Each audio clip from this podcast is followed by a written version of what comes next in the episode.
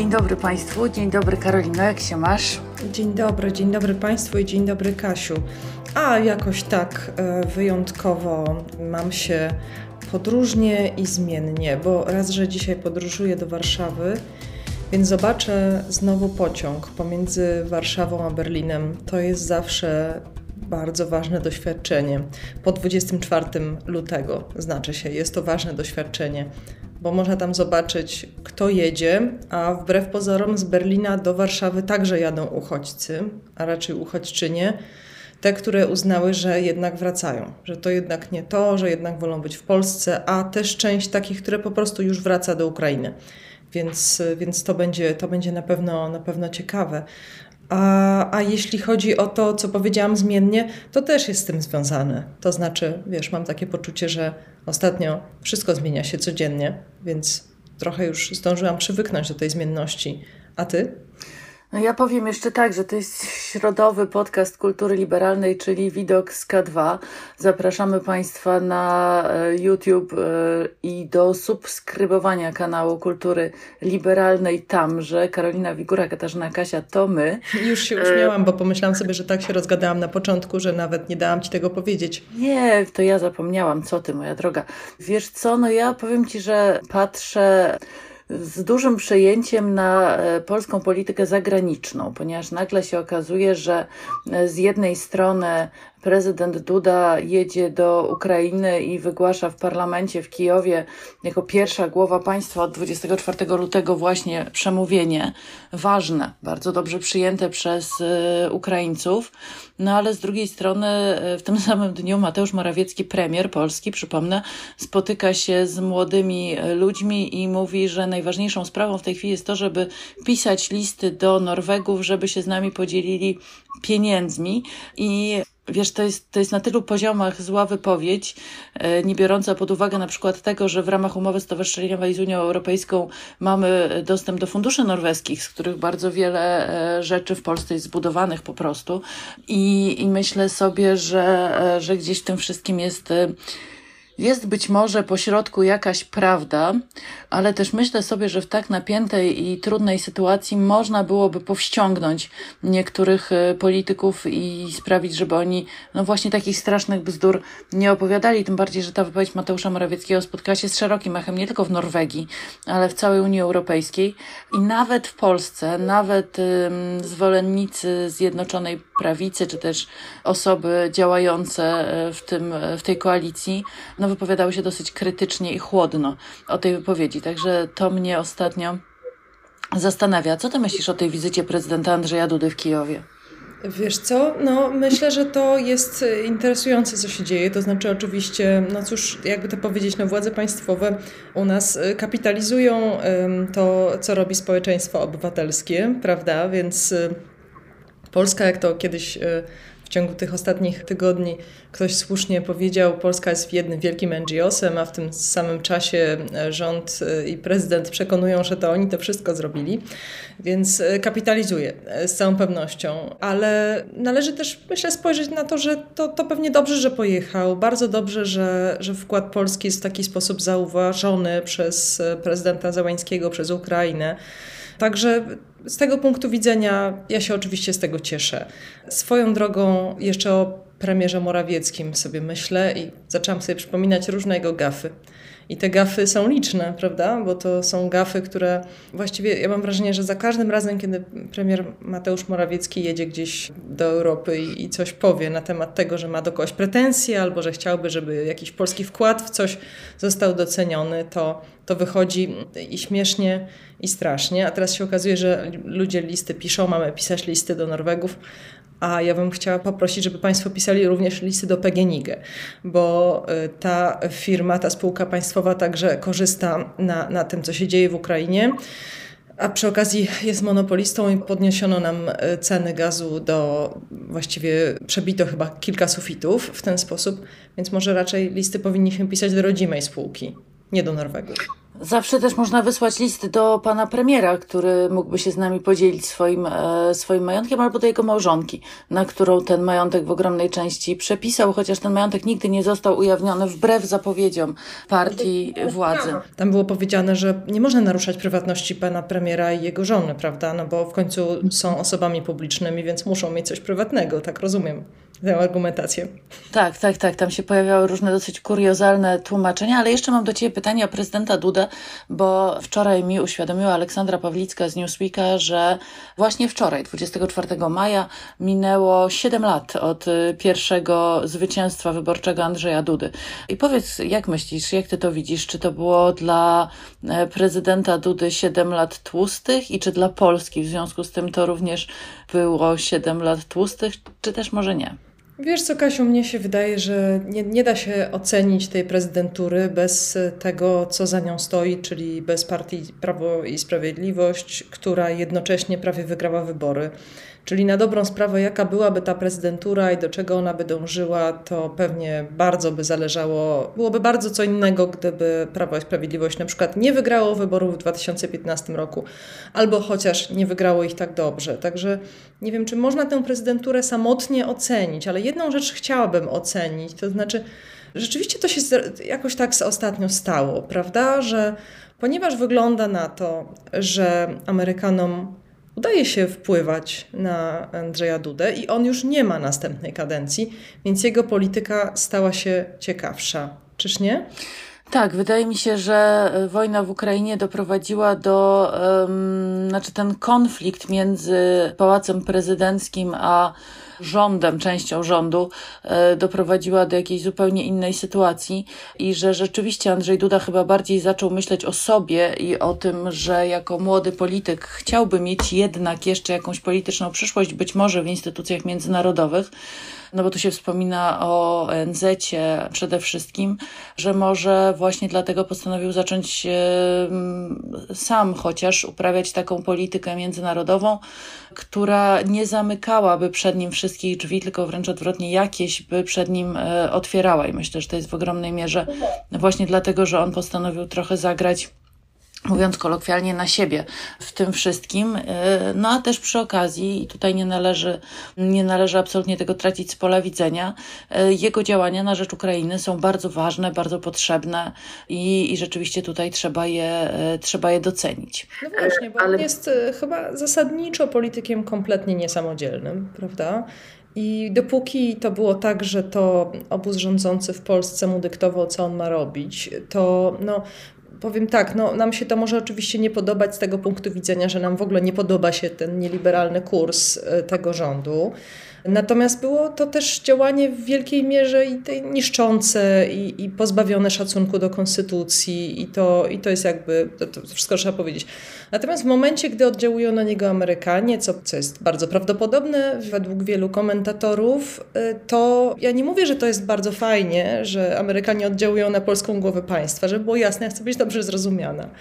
Ale mimo wszystko jest to jakieś, jakieś działanie teraz przynajmniej e, w, w stronę obrony pewnych wartości. To mówię o, o wecie e, w, w przypadku TVN-u i, i mówię teraz o, o tej działalności proukraińskiej prezydenta.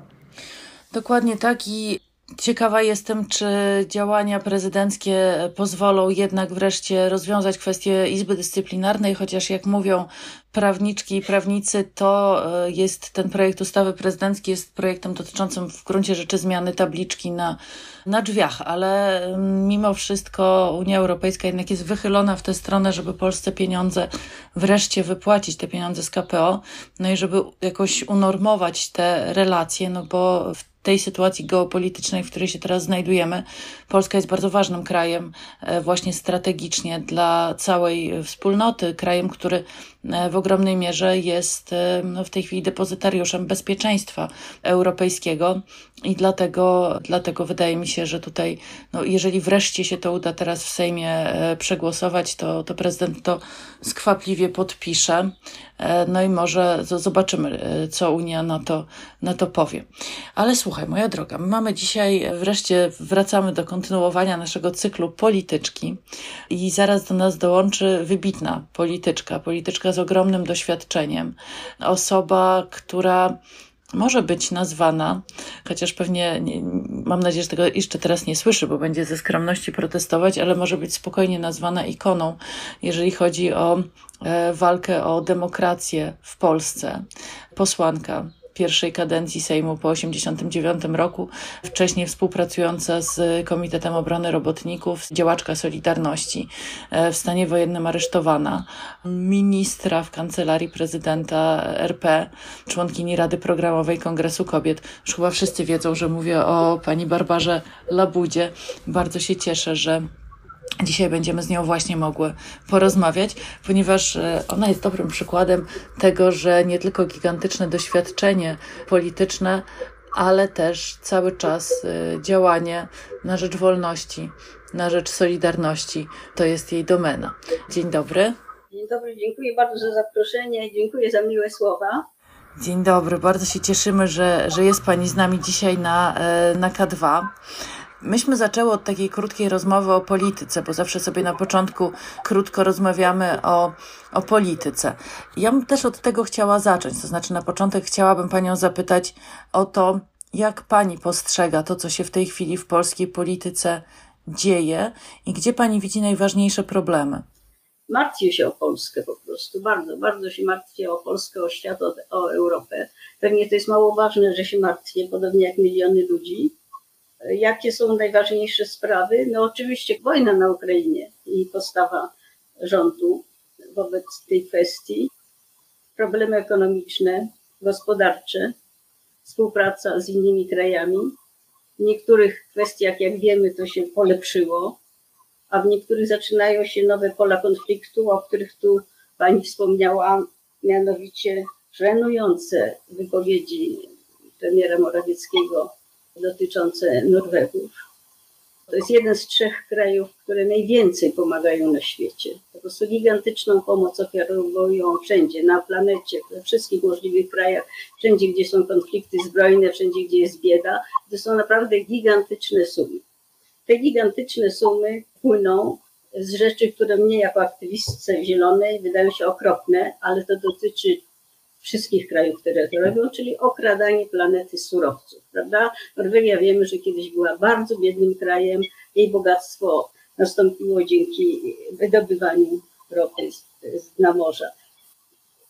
Oni próbują zachować się w tej kwestii bardzo uczciwie i o tym długo rozmawiają i często, ponieważ to jest naprawdę demokratyczny kraj, świetnie zorganizowany. Ja tam byłam kilka razy, byłam po prostu pod wielkim wrażeniem różnych systemów, które wprowadzili, dotyczących nie tylko kwestii społecznych, ale także typu uprawiania polityki, etc. Ale teraz y, powiem o jednej rzeczy, która na mnie zrobiła kolosalne wrażenie. Mianowicie oni przeznaczyli olbrzymią sumę, bodajże miliard dolarów dla kraju, który wycina lasy, a wycinka lasów niszczy całą planetę. I oni to zrobili całkowicie bezinteresownie w sensie osobistym, czyli norweskim. Oni z tego nic nie mają.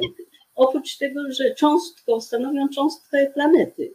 Prawda? I wzięli to na siebie. Powiedzieli, my wam będziemy płacić ten miliard, bylebyście przestali wycinać e, tlen dla, dla ludzi, dla, dla rasy ludzkiej, dla naszego gatunku. I robią tego typu rzeczy bardzo często, więc oskarżanie ich o taki egoizm, moim zdaniem, jest po prostu głęboko niesprawiedliwe. Zastanawiałam się, z czego to się wzięło. Czy z tego, że tak wymyślił pan premier Morawiecki, iż to jest bardzo zręczna taktyka wymuszania e, ustępstw na Norwegii w trakcie negocjacji teraz, czy po prostu on ma taki charakter. I tutaj żadne racjonalne tłumaczenie, uzasadnianie, zadziwianie się nie pomoże. Być może on ma tego typu. Po pierwsze, jest bardzo samochwalczy, jest sporo narcyzmu i megalomanii, więc być może to z tego się wzięło. Ja nawet nie mam ochoty się zastanawiać, bo uważam to za szkodliwe dla nas, dla Polski, dla naszego społeczeństwa i bardzo niesprawiedliwe wobec Norwegów. No właśnie, to jest ciekawe, dlatego że ten narcyzm, o którym Pani wspomniała, to nie jest pierwszy raz, jak ten narcyzm się ujawnia w relacjach z innymi politykami.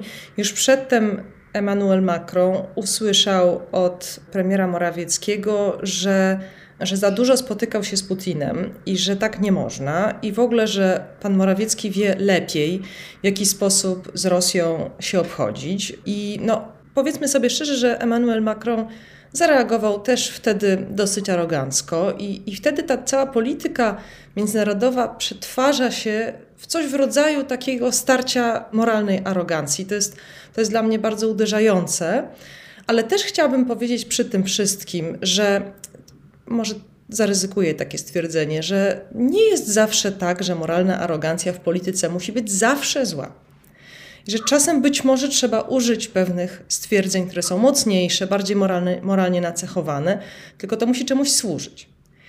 I ja nie do końca rozumiem, czemu to służy, żeby z tego, w jaki sposób, z czego czerpią swoje bogactwo Norwegowie, robić teorię spiskową, bo to chyba było najbardziej oburzające w tym zdaniu, które wypowiedział premier. To znaczy, nie, że no cóż, tak to działa, taki jest mechanizm, że teraz Norwegia będzie mogła sprzedawać swojej ropy więcej.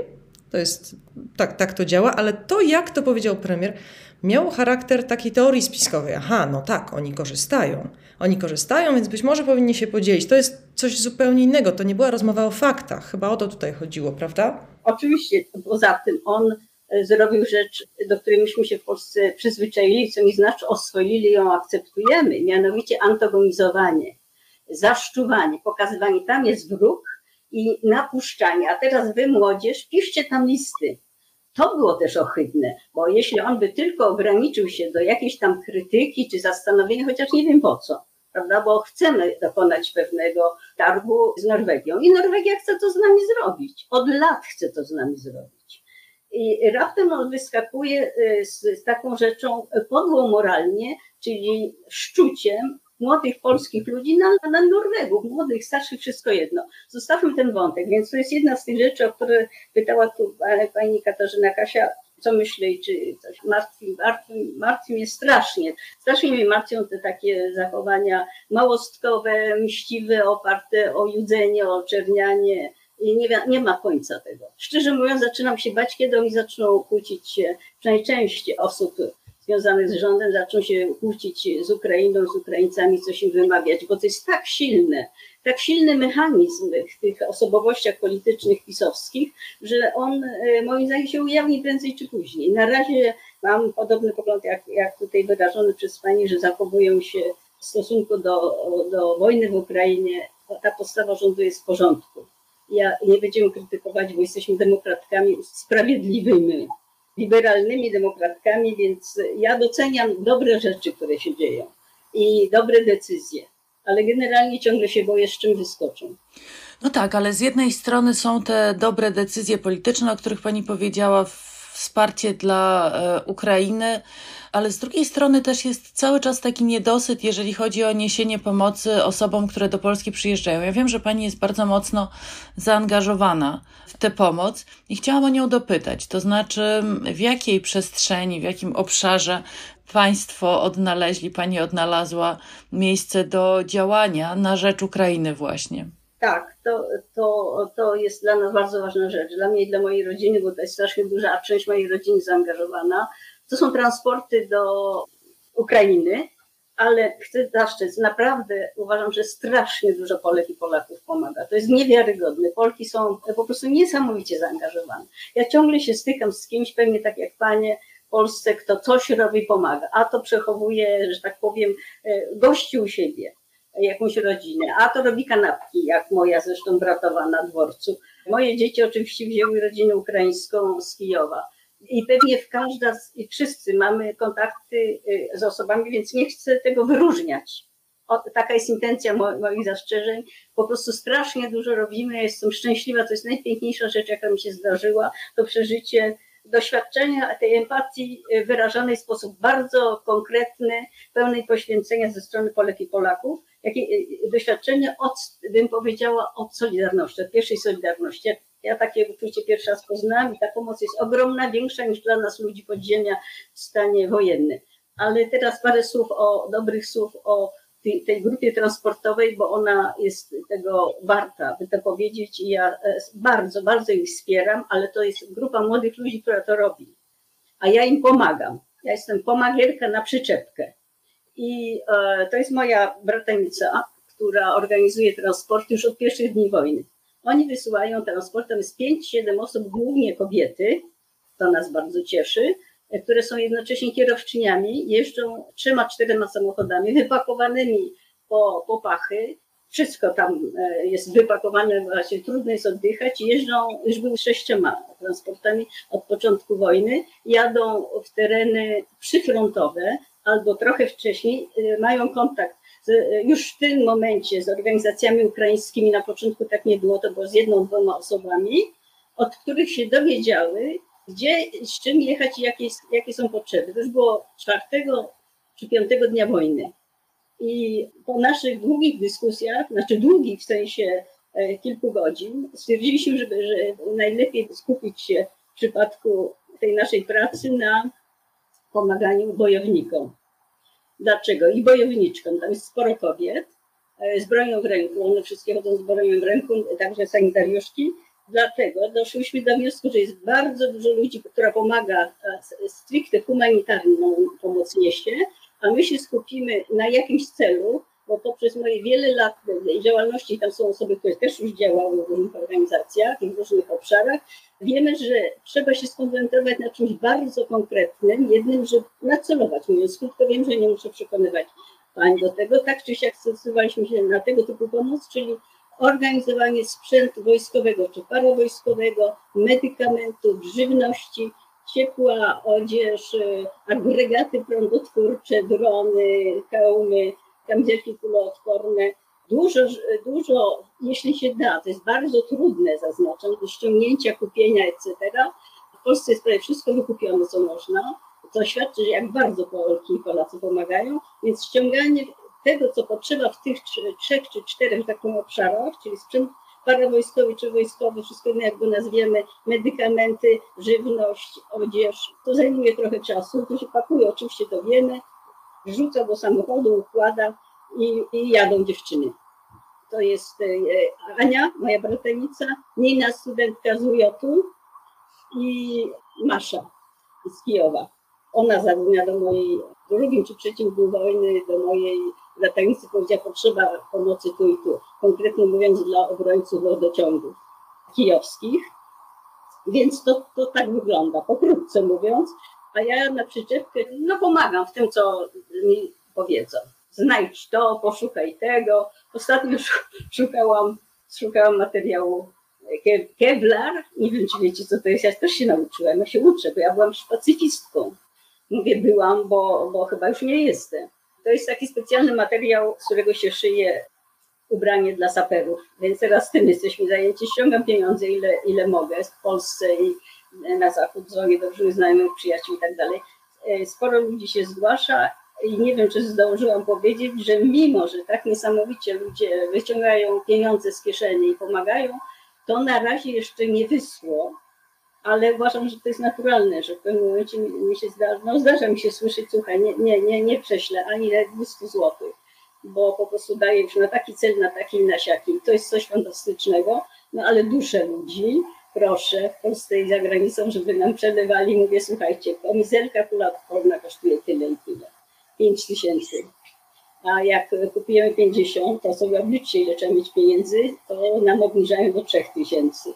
Więc no to jest to, to wymaga trochę pieniędzy. A czy to jest tak, że pani może podać jakiś numer konta, albo czy może pani podać jakiś namiar, którego nasi słuchacze i nasi widzowie, oczywiście słuchaczki i widzki, e, będą mogły użyć i mogli użyć, jeżeli chcieliby na przykład złożyć się na materiał dla saperów albo na kamizelkę kuloodporną? Pamiętajcie, że tam jest prawie wszystko zaminowane. Co tylko można to Rosjanie zaminowali.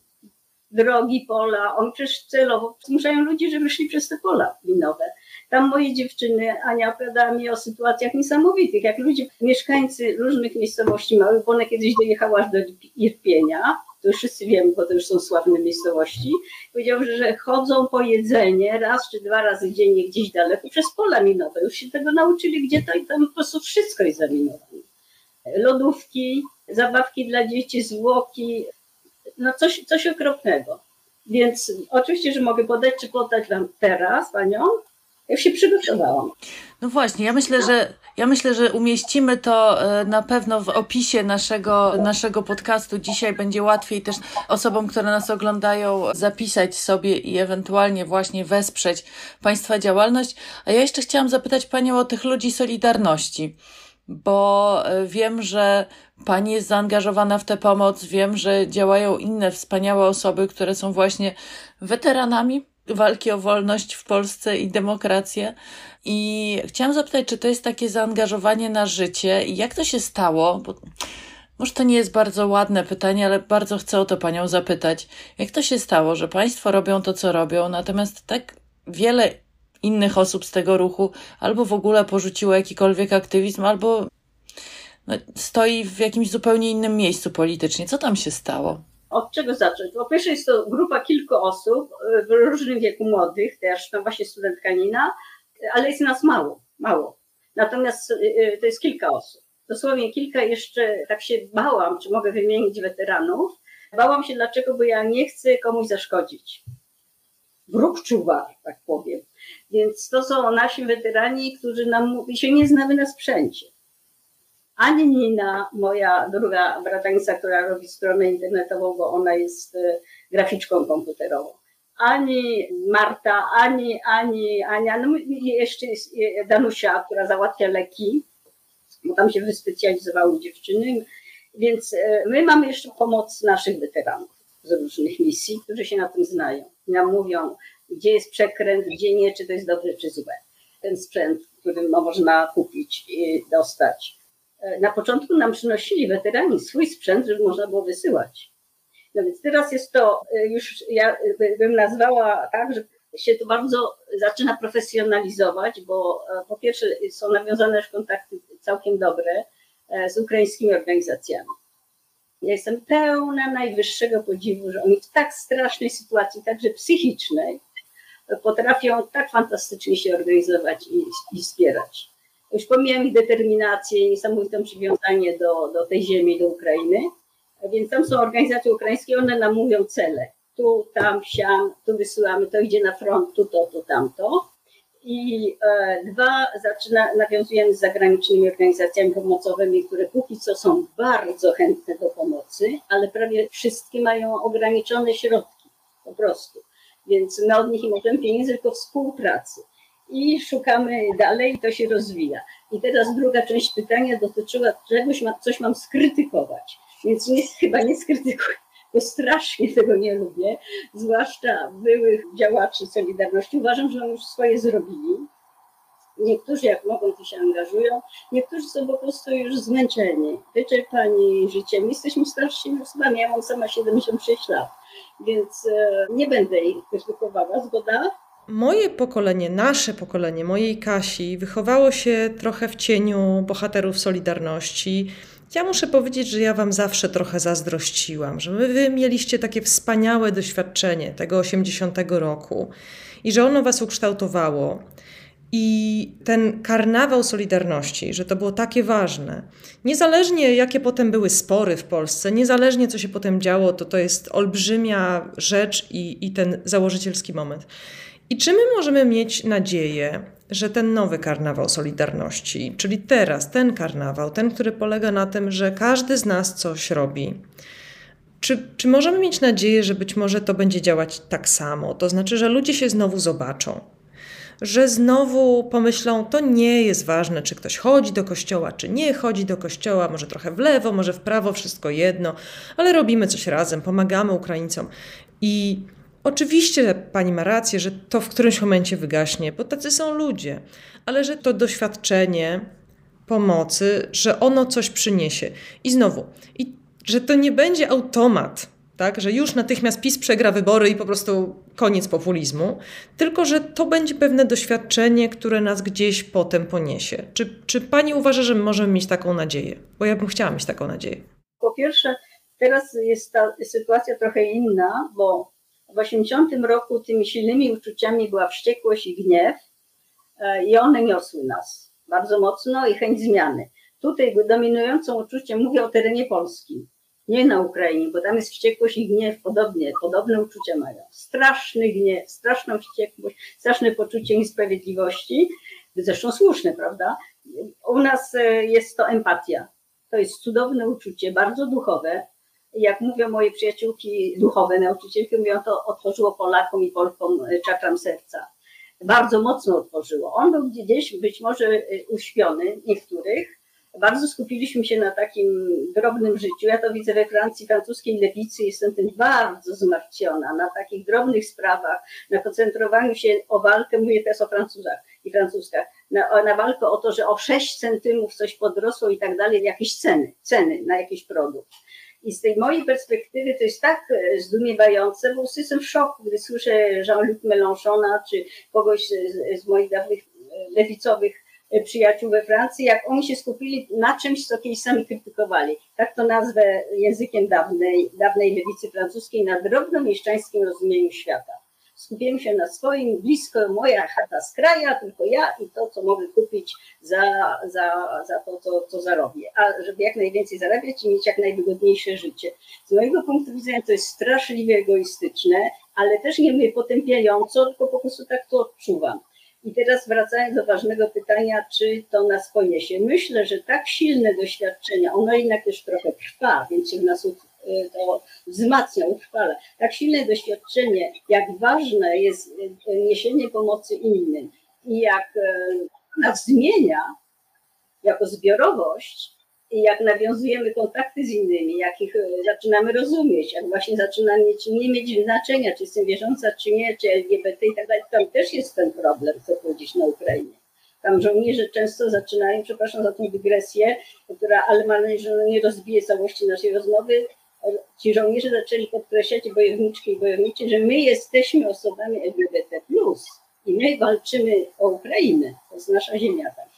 Tam też jest ten jeden problem, e, był przynajmniej, niechęci stereotypów negatywnych. Więc wydaje mi się, że to jest doświadczenie, które zostanie w Polkach i Polakach na zawsze. Czy można je ubrać w dobrą, dobrą strój polityczny, czyli nadać kierunek, czy to może wpłynąć na kierunek polskiej polityki tak, jeśli się będziemy o to dopominać. Jak wiemy, nigdy nic samo się nie dzieje. Nigdy. Tak potężne, tak wspaniałe uczucie E, współpracy, solidarności, zrozumienia. Ona jest w ludziach bardzo mocno widzę w Polsce, na Ukrainie też. Ono nie może zostać zgubione. I ja nie wierzę, że w wszechświecie się coś gubi, tylko uważam, że się rozprasza, rozmydla. Nie, nie dopuścimy do tego. Nie można dopuścić, żeby to zniknęło, żeby się tam roztrwoniło. Dobrze, pilnujemy praworządności, tego wszystkiego, co pilnujemy. Uważam, że lepiej bez nienawiści, nawet jak jesteśmy czasem wściekli, na przykład jestem czasem wściekła, to uważam, że trzeba pilnować, pilnować tego, żeby Polska nie, nie, nie e, wprowadziła tych zmian ustrojowych, których nienawidzimy, widzimy je w Rosji. I o, o to się czepiają rządu. Natomiast szczerze mówiąc, dla mnie nie ma znaczenia literki. To jest to, to dla mnie jest ważne, że ta polityka będzie uczciwa i właśnie empatyczna. No właśnie, a teraz, teraz mam wrażenie, że przechodzimy taką bardzo ważną właśnie lekcję empatii i bardzo dziękujemy za to, co Pani nam powiedziała, że, e, że to zostaje, bo to daje nadzieję, a my teraz myślę, że jesteśmy w sytuacji, w której nadzieja jest towarem tak deficytowym, że e, bardzo, bardzo duża jest wdzięczność, jeżeli ona się gdziekolwiek pojawia. Bardzo Pani dziękujemy. Barbara Labuda była z nami. Dziękujemy za to, co Pani robi, kim Pani jest. Dziękujemy bardzo, że, że mogłyśmy, miałyśmy zaszczyt Panią gościć dzisiaj w naszym podcaście. Dziękuję za zaproszenie, za ciekawe rozmowy. Czytuję Was. Regularnie dostaję i sobie czytam. Dzięki bardzo. Dziękujemy bardzo. Barbara Labuda była z nami. E, dziękuję Ci, Karolino. I Państwu przede wszystkim dziękujemy. Dziękujemy Państwu za to, że Państwo nas oglądają. Prosimy o subskrybowanie naszego YouTube'owego kanału, bo tam nie tylko można popatrzeć sobie na rzeczywistość ze szczytu K2, ale można też na przykład spotkać się w czwartek z Jarosławem Kuiszem i posłuchać o prawie do niuansu prawie, które powinno być zagwarantowane w Konstytucji, jak sądzę, a w piątki można spotkać się z Jakubem Bodzionym i jego gośćmi i posłuchać bardzo ciekawych rozmów o polityce zagranicznej. Bardzo Państwu dziękujemy za wszelkie wsparcie, którego nam Państwo udzielają, no i do zobaczenia za tydzień. Dziękujemy bardzo.